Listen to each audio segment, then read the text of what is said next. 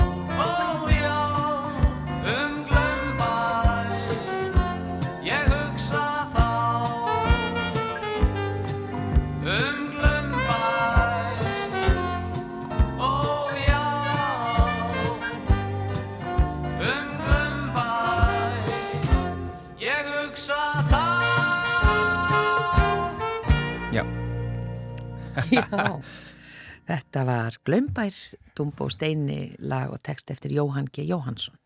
já uh, hingað er komin Ragnar Solveig Þóradóttir, velkomin í mannlega þáttin. Takk fyrir að fá mig. Það bara okkar er ánægjan. Við ætlum aðeins að fjalla um alopecia, sjálfsofnæmi sjúkdómin. Uh, ég raka augun í viðtalviðig í skessuhotni, eða skessuhort.is sem að vakti bara aðtikli mína og, og segðu okkur aðeins þína sögu þar að segja 2019. 2019, já.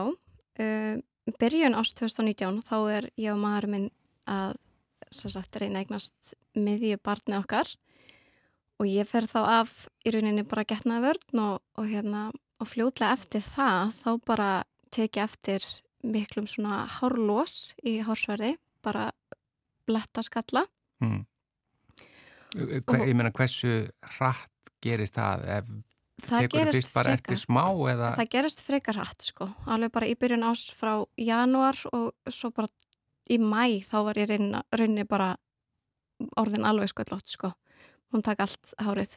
og fyrir þetta, fyrir janúar hafður Já. aldrei fundið fyrir neinu Nei, ég reyni ekki sko, bara ekki neitt. Ég var alltaf bara með eldrautt, sítt, þygt mikið hár. Já, og, það er ekki ofsögum sagt. Ég sé myndaðir með þetta og það var bara mjög mikið þygt hár. Já, Já, það var þannig sko. Þannig að það gerist í rauninni ekki neitt fyrir þarna uh, og svo bara, já, í rauninni verði ólétt og það bara heldur áfram að, að detta og, og fara alveg sagt, eftir mæ þegar ég er búin að raka mig að þá bara verði alveg alveg sköllótt mm.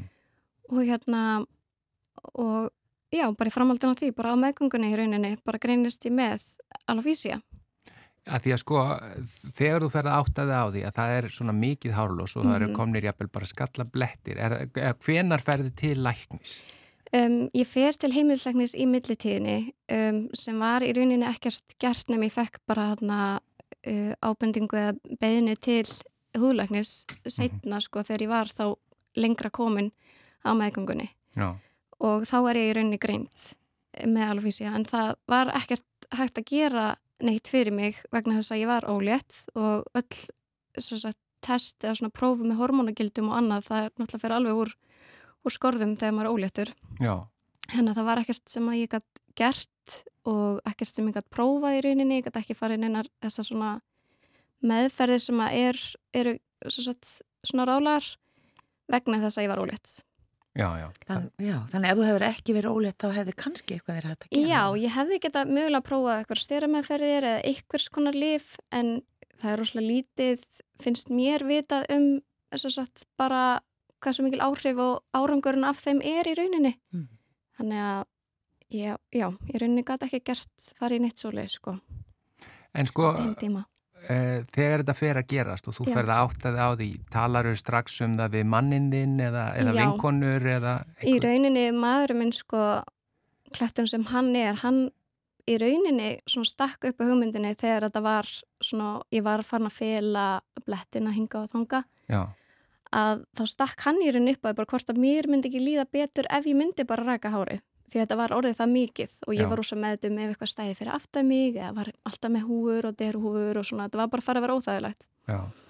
Að hann stingur upp á því og ég var freka fljót að taka bara þá ákvörðun að, að raka það litla sem var eftir og hann var með mér í því og það var svona örlítil tilfinninga þrungin stund en hérna en, en bara gott eftir á sko. Ég sé ekki eftir því út af því að það var erfiðar að vera í þessum féluleik heldur en að vera bara ok, nú er þetta bara ég, þetta er bara mitt nýja líf og svona lítið út og einhverjum féluleik með það sko en, Þannig að- og hann, hann rakkaði af sér hári líka? Já, hann rækkaði þessu hóra líka og elsta svon okkar líka og hérna var svona smá stöðningur í því, eða bara mjög mikil stöðningur í því, en það er mitt svo aðdeglisvert sko um leið og hári mitt dettur af eða tekið af og þú veist, maður minn gera líka, þá er samt aðdeglin bara á, þú veist, mér. Það er svo miklu meira að það búa konur sér sköllótar heldur en okkur tíma kallmenn Já, Þannig að það var líka doldið svona aðtilsvært að, að sjá það sko. En fólkið í kringum vinir Já. og fjölskylda og Mhm. aðrir, vissu, vo- voru þau orðin alveg, varstu búin að fela fyrir þeim eða var þetta? Já, í svona nokkra mánuði sko.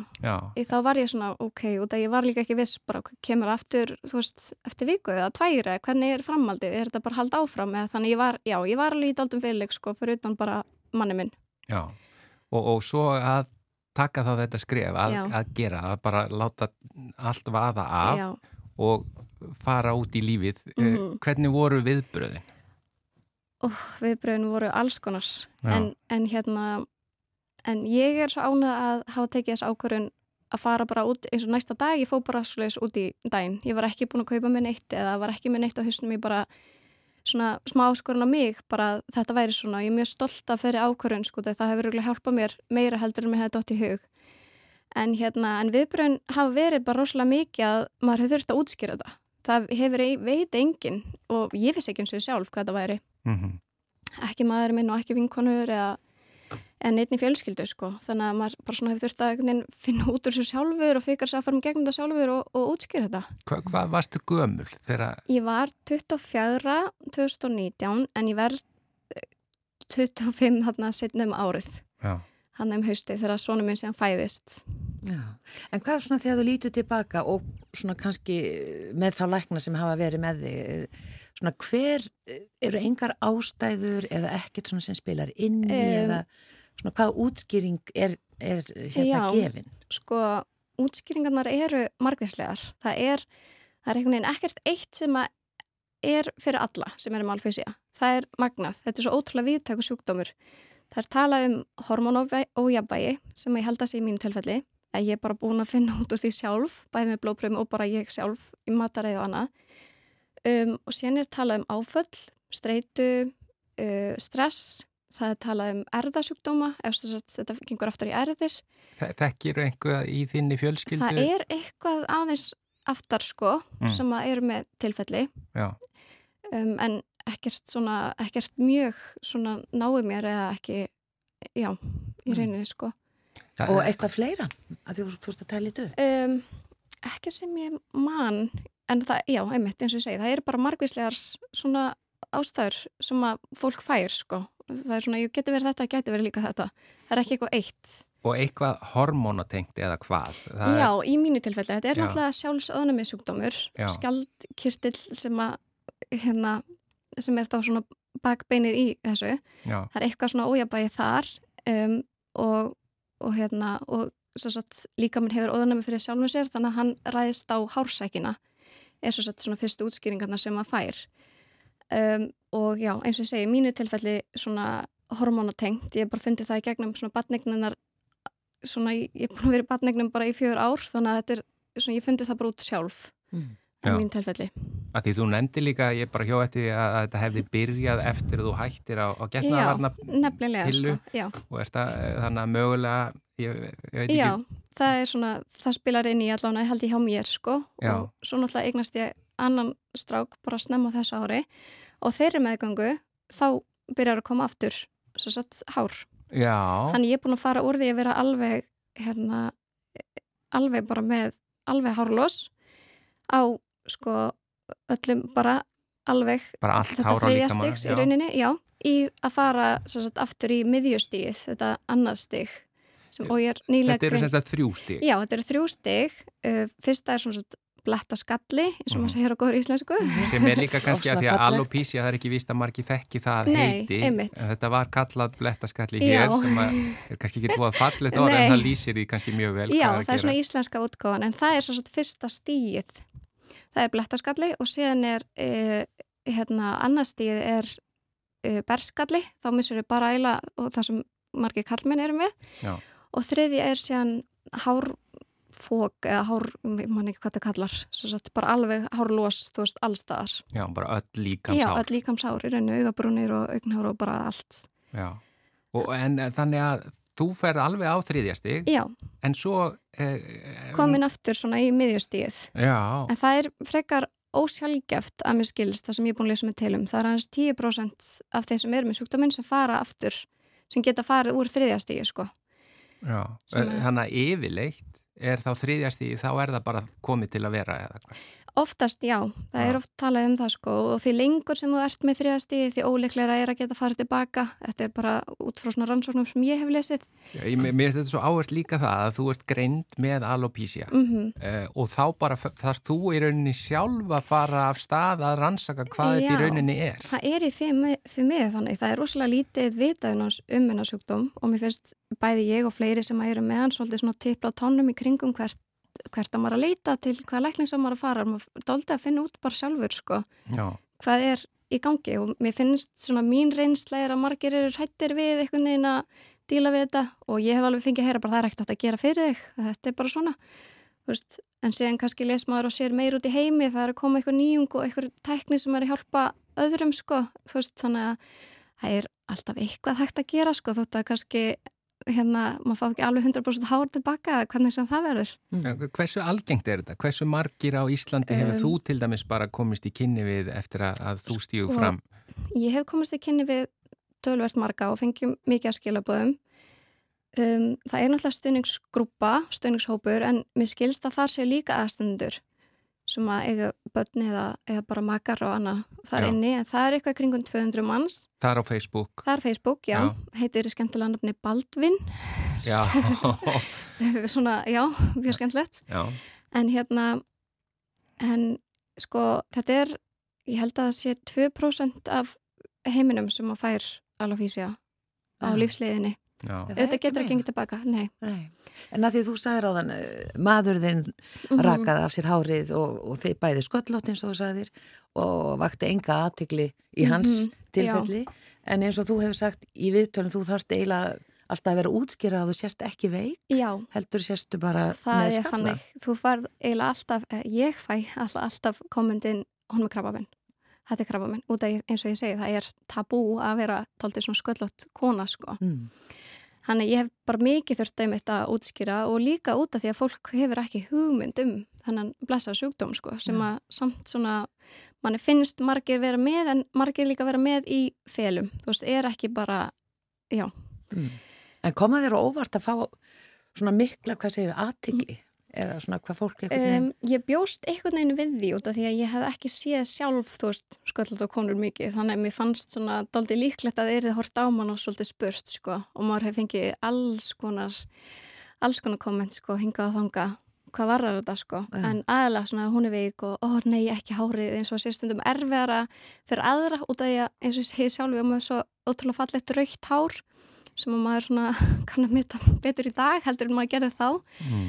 En hérna, en stundum leið mér eins og að væri erfiðara fyrir aðra að Já. ég væri búin að missa hárið mitt sko, Já, maður har heyrt þetta áður sko, sem er svona, sem að gangi gegnum eitthvað það er erfiðara stundum fyrir aðra að horfa upp á heldur en þann sem að er, er actually að glíma við það sko. Já. Og alltaf einhverju fordómar í gangi og Já, ég hef ekki reyndar upplifað það mikið sjálf sko, en ég hef upplifað alls konar svona það sem kannski fólk er ekki alveg að passa sig svona, akkur safnar ekki bara hári þú veist, já, já.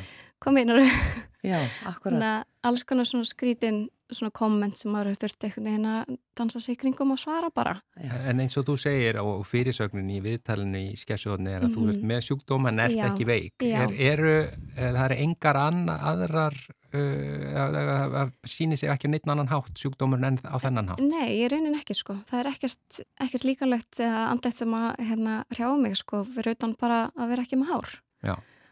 Og hérna, já, það er bara eina. En þú talaður um líka í viðtalinu, þú varst að tala um að það væri sko einmitt, og þú varst að segja aðeins komst aðeins að því áðan, Mhm. en segðu okkur aðeins betur frá því með að það eru tilrunnar lif sem eru að koma, sem eru jafnvel að vekja Já. mikla vonir. Já, það er frábæra fréttir fyrir okkur með alofísía að hérna, það er að koma vonandi á markað núna fljótlega liv sem eru markasett bara fyrir okkur. Þetta er nýjung sem er líftækni liv, líftækni um, sem hefur verið að vera að prófa út í bandaraukunum á mig skilst sem hafa bara borið mikinn árangur. Þetta hefur aðeins verið prófað inn að heima en, en hérna í litli magni sem hefur líka borið góðan árangur af því sem ég best veit. Þannig að þetta er mjög jákvæmt og ég veit að það eru margir að býða hérna eftir þessu og það verður spennand að sjá hvort að þetta mun gera eitthvað fyrir okkur sko. Já. Og það, ég meina, er, er, veistu til þess að það hefur verið notað hér á Íslandi? Já, ég veit til þess, ég veit um allan að tvö tilfelli sem að hafa bara, bara borið 100% árangur sko. Að hérna, Að þá bara allt hár komið Já, aftur? eftir einmitt bara þetta þriðastegs svona verið bara alveg ekki með neitt og bara fengið alveg aftur. Já, er þetta dýrlif? Það er nefnilega málið. Já, þetta er dýrt. Já, þetta Já. er dýrt og það er erfitt að fá þetta inn og það þarf að samþykja allt og þetta er alls konar pappisvinna og það þarf að lækna teimi í kringum þetta en eins og ég er búin að segja það svona finnst mann eins og kannski helbriðstofnir kannski hefur svona aðeins verið að ekki alveg vita hvernig á að meðhandla okkur sko Já, en, hérna, en það er samt ég heyrði í fyrra dag að það væri allavega jákvæðar, fréttir með þetta En þú, þú segir að þú varst 24 þegar þetta Já. byrjar. Mhm. Er þetta, um, það er að segja, gerist þetta yfirleitt á þessum aldri hjá fólki eða er, er það alls ekki regla? Sko, algengustu tilfellin er í hjá börnum Já, bara strax í Já. æsku eða... 20% sem að hérna hafa já, svo 20% af alafísi hafa fengið í æsku Hmm.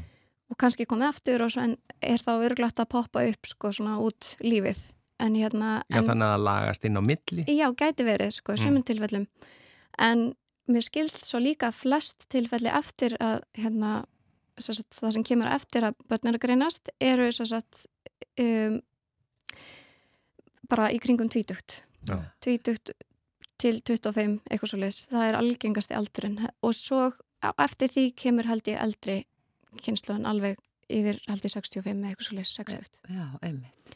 En eins og þú segir, það vantar svona kannski meiri vittnesku, meira utanumhald og, Já, og, aðeins og hérna, og bara frábært að þú skulle stiga fram og svona Takk vera talsmaður þessa hóps. Já, takk fyrir Greinilega þarf. En mér finnst líka áhugavert að heyra að ég menna að því það er miklu algengar að kallmenn missi hárið Já. og þá kannski einhverjir menn sem er að missa hárið og verða Mhm. sköllóttir eru Mhm. kannski með alopísi á þess að vita af því Það að því að það er bara verið, já þetta er bara menn er að missa Já. hárið, þú veist. það gæti náttúrulega vel verið, það er svo algengt að, hérna, að menn missa hárið og, og það er bara einhvern veginn normalt og eðlilegt auðvitað er það líka en, en í einhverjum tilfellin það líka verið alveg físið sko. Mm. þetta er hérna, sjálfsvonum með sjúkdómur og, og þetta herjar alveg líka kallmenn eins og konur sko. það er bara meira ábendað þegar við konar erum fámynd á þetta því að það er svona eins og ég er búin að nefna, meira svona tabú að, að hérna, við segjum ekki með hár sko. Já, þannig að þetta er allstaðar einhvern veginn já. Og þessi samtök, eh, er að segja, þessi síða, stuðningssíða Já, og það þarf kannski bara að stopna samtök eða hvað, Hún- Já. síðan heiti Baldvin. síðan heitir Baldvin og ég held að bakvið það sé sem sagt, svona Facebook, grúp, eða Facebook bara síða sem heitir Alofísia ég er ekki viss hvort það sé sem sagt, starfandi samtök Já. Ég held að hafa eitt um öðru stofna en ég er ekki alveg klára á hvernig það er en það hefur mitt alveg verið nefnt sko, þá þurfum við eitthvað svona aðeins meira Já, sem er bara jákvæmt líka sko ekki spurning. Ég vil nú taka líka fram að því að í Skessuhots við, viðtalinu þar er mjög stór uh, máluð mynd að þér. Mhm. Maðurinn er listmálar eða ekki? maður minn er myndlistamæður Já, myndlistamæður Já. og hann málar hann alveg óskaplega fallega mynd að þér Já. eftir að þú ert búin að missa hárið. Já, hann gerði þetta sem sagt, hann er rosalega flinkur, ótrúlega hefilegaríkur og, og góðu maður og hann hérna gaf mér þessa mynd í 25 ára ammaliðskjöf það sama ára og ég missi hárið og hún hengur uppi heima sko og hérna og það er bara mjög gaman að því.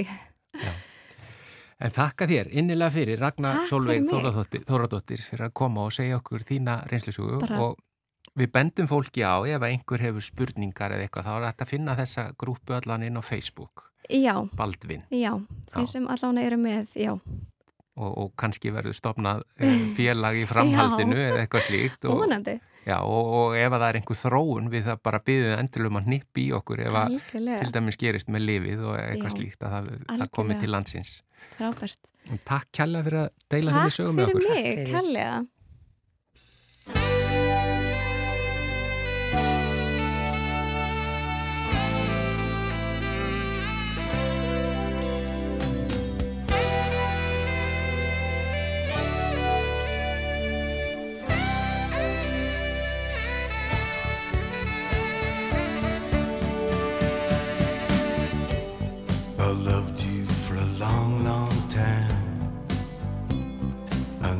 this love is real. It don't matter how it all went wrong. That don't change the way I feel. And I can't believe that time is I heal this wound I'm speaking of? There ain't no cure, there ain't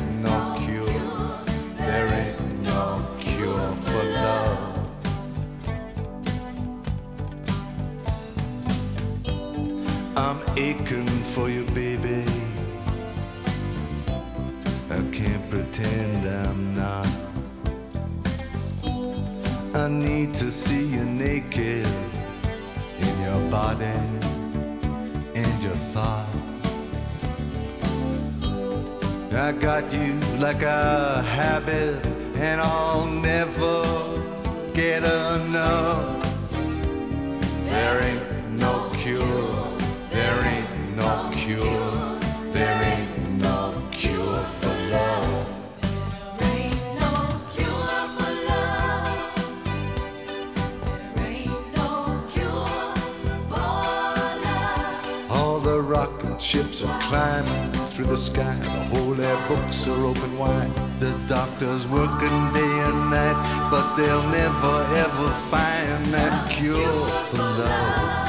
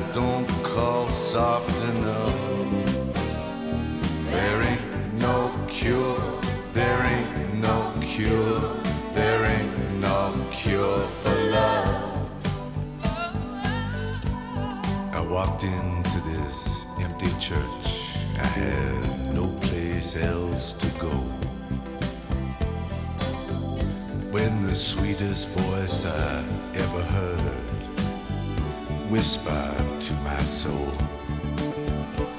I don't need to be forgiven for loving you so much. It's written in the scriptures. It's written there in blood. I even heard the angel declare it from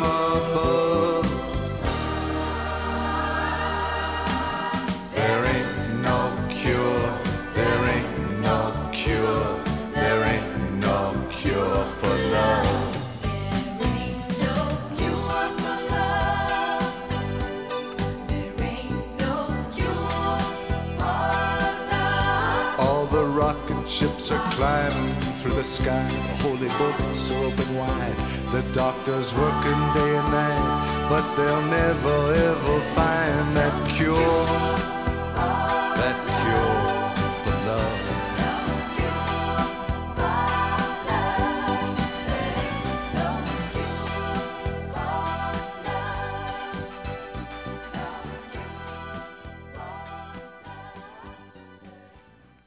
Leonard Cohen og Ain't No Cure for Love. Og við nefndum einmitt í upphæfi krabbameinsfélagi Framför sem við ætlum að tala um núna. Það er félag Karla með krabbamein í blöðruhálsi og aðstandenda. Og félagi stendur fyrir árverkni og fjáröflunar átakinu, blái trefillin, núna í november, sem hér eftir verður árlegur mánuður krabbameins í blöðruhálsi á Íslandi. Og þetta félag Framför það er stopnað 2007 og markmiðið með þessu átaki hér í fyrsta lagi vitundavakning um krabbamein í blöðruhálsi og í öðru lagi styrtarverkefni til að afla fjár við stöðnings og þjónustu umhverfið hjá krabbameinsfélaginu framför.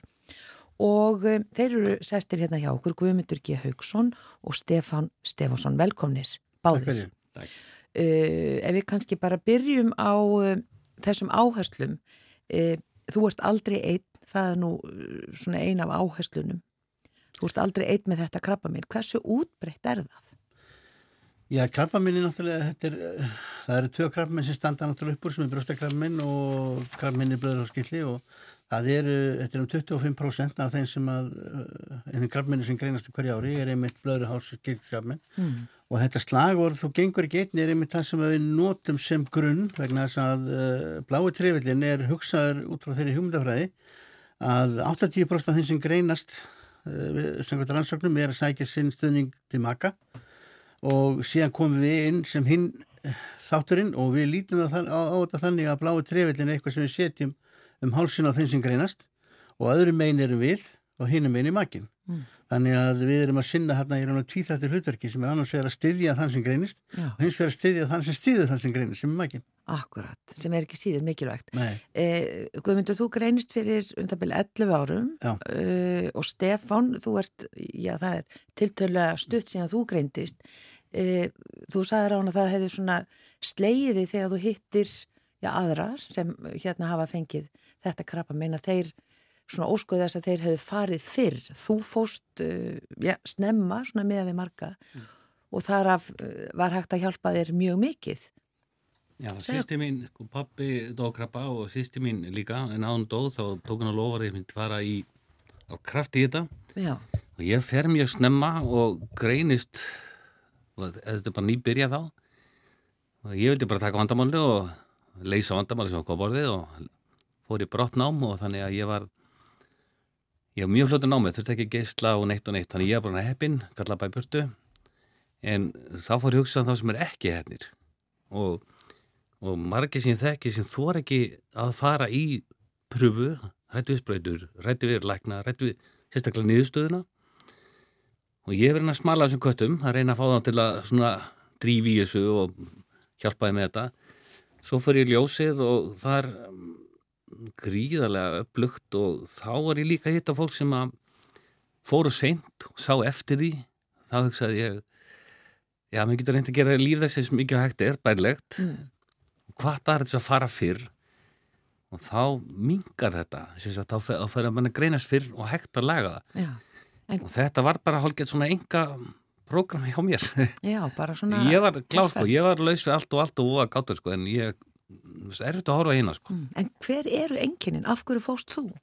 Já, og af hverju hvati sýstiðin til að fara? Varstu búin að tala um þetta við hana? Já, hún dó krabba og hún viss af blöðrálsvesinu í kollum og, og hún eiginlega mikil skurungur og hún eiginlega bara skipaði mér að sjá þetta fara sjálfur og smala þessum bræður mínu líka En þannig að það voru engin engkenni í rauninni. Nei, lengin Þannig að, já, það að því þú talar um hefni. Já, það er svolítið áunin hefning kannski að ég fer snemma ég var ekki með engin en ég fór samt Já, ég var ekki að býða eftir að vera komin vonda stað, heldur Já. bara fór ég já, og þá kemur ljós að það er Á byrjunastigi? Já, já. og þá hugsaði ég ef fleiri gera þetta ég ætla ekki að blóta henni er bara eitthvað drífa sig hérna, bara ringt í lækniðin síðan vilja PSA-próf farið svo alveg að taka upp blóð og þú mátt ekki hrættu við það. Svo farið niðurstöðu, mátt ekki hrættu við hana. Þá kannski greinist þú að snemma að ekki bara þín lífskeiði heldur allavega við kringuði líka. Og þess vegna er svo framböð svo gaman að vera þar sko. Unnið af ábætum heilundum í kringum þetta félagslega umhverfi og vera að taka á þessu. Mm. Fá að vera með þar sko Já. Hver hver var þín saga, Guðmundur? Mín saga er nú kannski öðruvísi og annað meira það hefur breyst svo mikið tíminn Já, frá því að ég greinist fyrir 11 árum og þá fóru nánast allir í uppskurð. Það var í nánast engin undateining. allir sem voru greindir. Já, það sem hefur breyst í, í dag er það að þeir sem eru með lágahóttu greiningar, þeir eiga möguleika að fara í þessum kallaði virt eftirlit og það er 80% af þeim sem eru þar sem hafa allavega í Svíþjóð og alltaf sé ekki bara hátt í það sama á Íslandi sem hafi mynd farið í þetta virka eftirlit. Og það sem gerir, gerist þá er að þeir sem farið virka eftirlit þeir hafa lífsgæðin áfram og allavega í einhver tíma og, og það verið gerað rannsóknir meiri sem lifi tíma sko á þeim sem farið virka eftirlit og þeim sem farið meðferðir, hann er sambarilegur og þetta gerir það verkum, þetta er eiginlega byltingakent að fá þetta virka eftirlit inn og einmitt eh, Þráin Þorvaldsson sem er stopnandi framfarar, hann var í þessu virka eftirlit í 14 ár og er frumkvöðl sko á Evrópuvísu í þessu umhverju og ekki nóg með það hann er búin að vera að það virkur að hann tók þátt í að stopna samtökum virt eftirlit í bandaríkjanum og er einn af fórstumörnum þar. Já, Var, með þig, varst þú með einhver enkenni eða eitthvað slíkt? Nei, það er nefnilega sama og það er virðist vera sko bara í gegnusneitt að þeir sem greinast gera það, gera, gera það svona bara, bara óvart. Þeir fara út af öðru, ég fór út af öðru, ég fór út af sigursíki og þetta greinist þá eh, bara út frá því.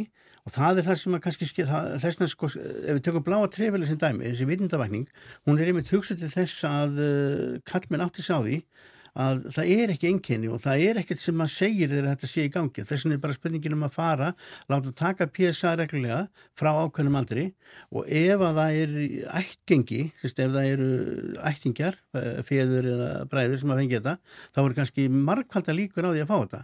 Þannig ef það er slikt í ættinni, fara alveg frá jafnvel 40 en annars frá 50. En svo náttúrulega má ekki gleyma því að það er í gangi núna eh, rannsóknir og hafa verið að koma niðurstöður af því sem er alveg bylting ef afverður og það verður náttúrulega einhver tími í það að klínist að verður farið í slíkt. En þá er þetta greina jafnvel í blóði krabba minn og hversu aggressíft það er. Og ef að það verður í raun og gert kerfisbundið þá er þetta að gera þetta bara kerfisbundið á alla óháð kyni, óháð aldri. Og þá er raun og breytist allt í þessu umhverju því að eins og í okkar tilfelli hvað var það blöðurhálskrabba minn þá skiptir öllum mála að greina að snemma.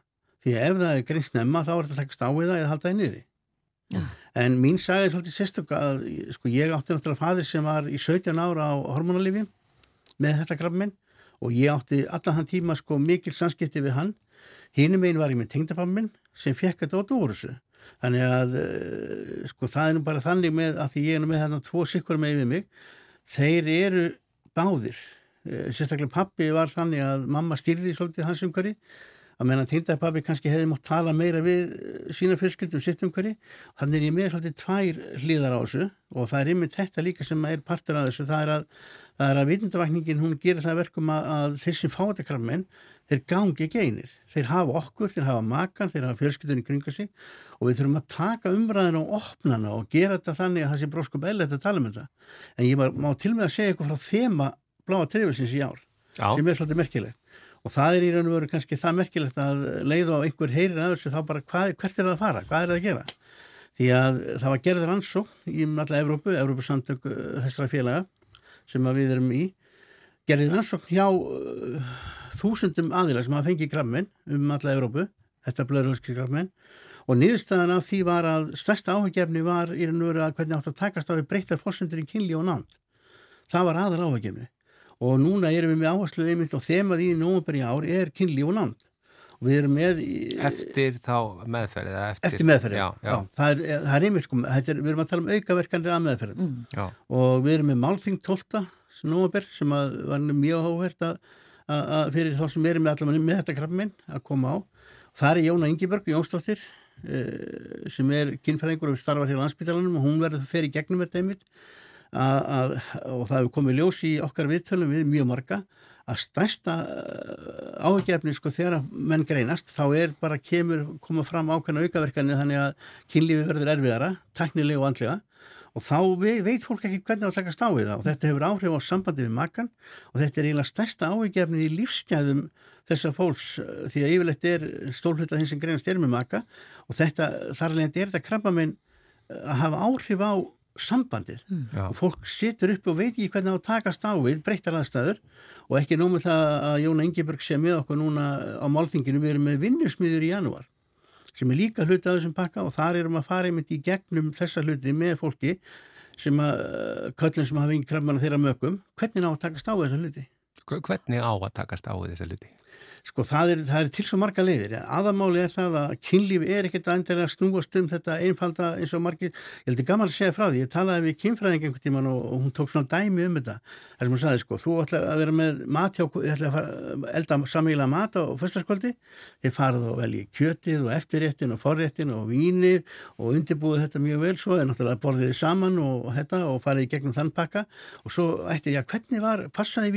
já, matinn og þetta og, og var- forréttin í lagi.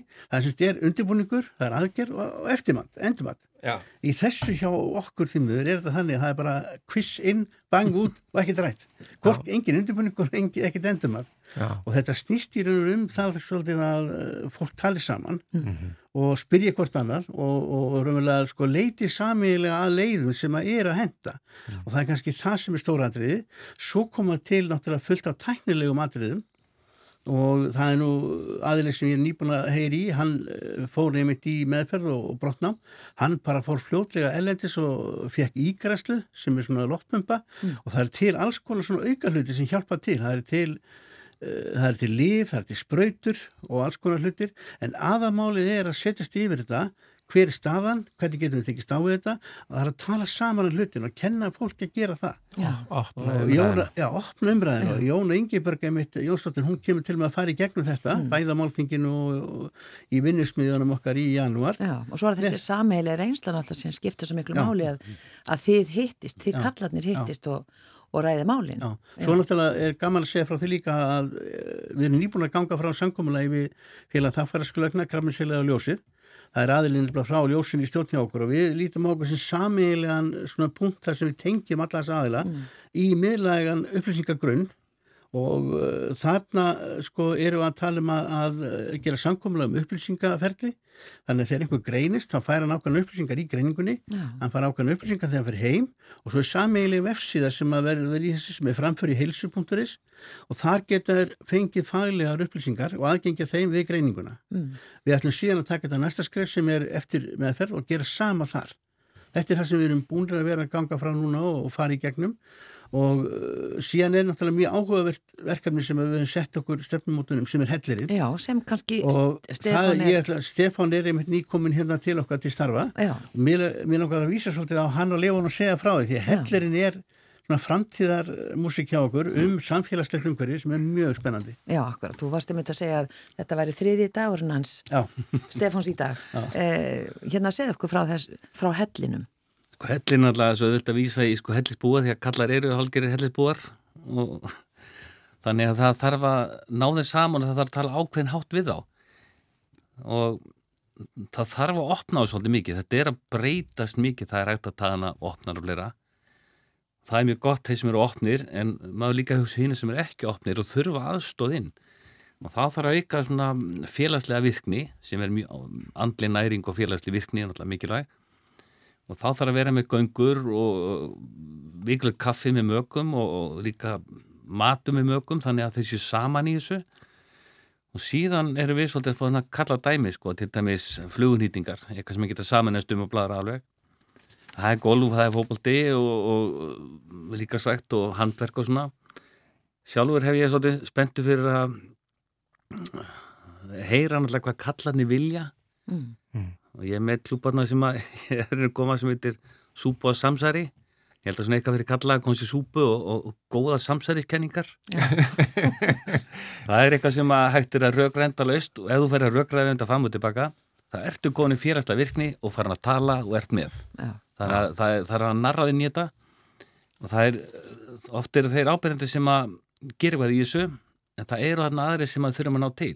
Já, En það kostar náttúrulega þessum við svona mjölkupinningunum og, og sjálfbóðlega dæmi að reyna að sapna svo við getum kyrti gegn þetta það sem við þurfum bara að gera. Já, félagsli virkni og andli næring þetta er bara, skiptur öllu máli. já, skilur öllu máli. Það er þessi hellir, það er bara, þetta er bara félagsmiðstöð í rauninni, eða Já, bara samfélagsmiðstöð eins og já, þið orðið það. já, Bara félagsmiðstöð. koma saman og, og, og ræða eh, alls konar bara áhugamál og svona, en líka bara, svo er Já. þetta grundvöldu líka til þess að ræða eh, krabbamenni. sko kallaði hellisbúa sko þeir þurfa það þarf ástæð fyrir hittingnum Já, eitthvað svona aktivitet. Já, eins og það þarf að vera eitthvað við Spila, þurfum ekki að golf. hitt- eitthvað, Þeir já. fari ekki að hittast og að ræða málin og fá sér kaffi og eitthvað sliðis.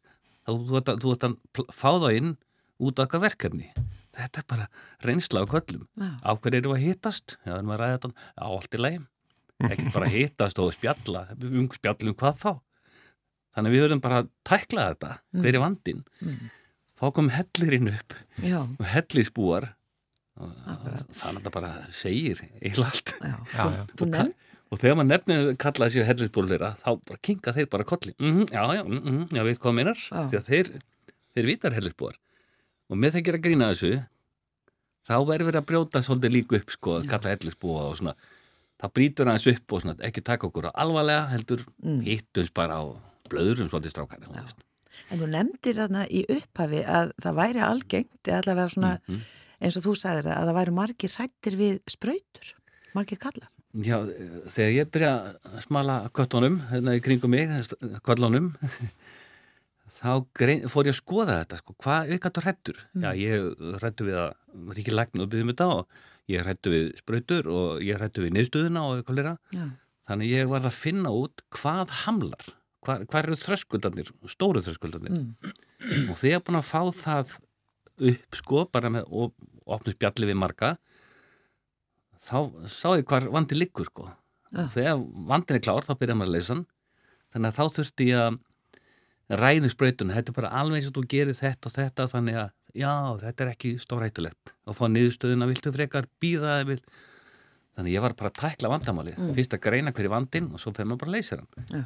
Og hræðslega sprautur eru eitt sem að menn vilja helst ekki segja. Ekki frekar með eins og var með grabba minn. En fer maður sem sagt í þetta, nú spyr ég sem rúmlega 50 kallmaður, uh, í, í bara hjá heimilisleikni. Þú þú ferð bara eftir, þáttum Já, búinn, já. ringir heimilagni og segir, ég aðtöða PSA. Hann segir, já, ég panta fyrir blóðbröð, þú á landspítala, Já, þeir ferð inn og þetta eitthvað blóðbröð, svo ferð bara að ringja fyrir lagnum, herðu, þú ert í fínum málum, eða það er eitthvað hérna, við erum að hittast aftur. Já. Þá ertu konar stað, en PSA er náttúrulega ekki, mælir ekki krabba minn, það er bara svona fyrsta, svona, Já, fyrsta vísbending. viðmiðun, sko. já, já, já. En með því að fara í þetta, þá er maður komið svo það stað, Já, akkurat, þá getur maður stoltur sagt fólki kringu sig að ég fór í þetta. já. Akkurat. En já, Það er eitt bara, bara, í restina sko, má ekki glema því að, að það eru, eru viðbrið sem eru framöndan hjá okkur. Fyrst alveg erum við með sérblað á lögadaginn með fréttablaðinu sem er mjög áhugavert efni fyrir alla sem tengjast blöðurhöldsgramminni. Í öðru lagi erum við á sunnudeginu með göngur í heiðmörk að því við tölum um slagorðið á hann og gengur í geit. Nú er einmitt tækifæri fyrir alla sem að þekka einhvern sem hafa fengið þetta krabmin. Mm. Drífið ykkur á stað og mætið í gönguna hjá okkur í heiðmörk. Við hittistum á borgarstöndarplaninu klukkan 2 á, á sunnudaginn og þarna er farastjóra sem koma til með að gera þetta skemmtilegt og það verður farið í stutta gönguferð og síðan er kaff og kakó eftir. og, og þetta er allt í blaðinu Já, líka. og Já, svo er náttúrulega líka uh, málþingi 12 og svo erum við sjónastátt á ringbröð 13. sunnudaginn og þar verður fjallað um þetta líka og sínd mynd, myndin Karla minn sem er alveg ótrúlega áhugavert umhverfið sem set, setur fram allar hlýðar, mm. blöður og háls kist krammins Já. og ég hvet fólk til þess að sko munið til göngunni, koma málþingið og horfa á sjónastáttin 13. Þetta mun ekki fara fram hjá neinum. Kæra þakki fyrir komin að Guðmundi G. Haugsson og Stefán Stefánsson. Takk, takk.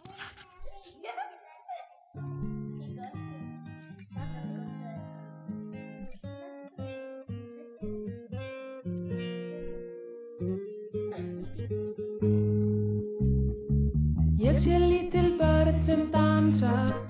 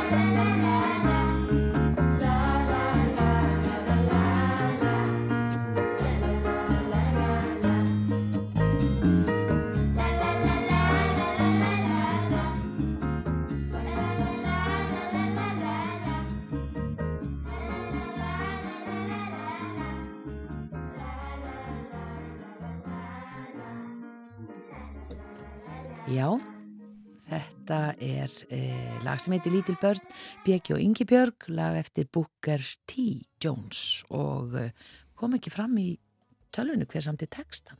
Nei, en já, BG og Ingi Björg fullt af frábærum lögum með þeim Já, en e, þetta var sem sagt lokalagið í þættinum í dag verðum mér aftur á morgun og föstudagsgesturinn okkar á morgun er nú eh, mjög þekktum aður. Já, Sigur Jón Kjartansson e, anna, annað höfuðið í tvíhöða Já, Já, þannig að það verður ekkit leiðilegt að spjalla við hann og svo auðvitað mataspjall en við þökkum bara einlega fyrir samfélgin í dag.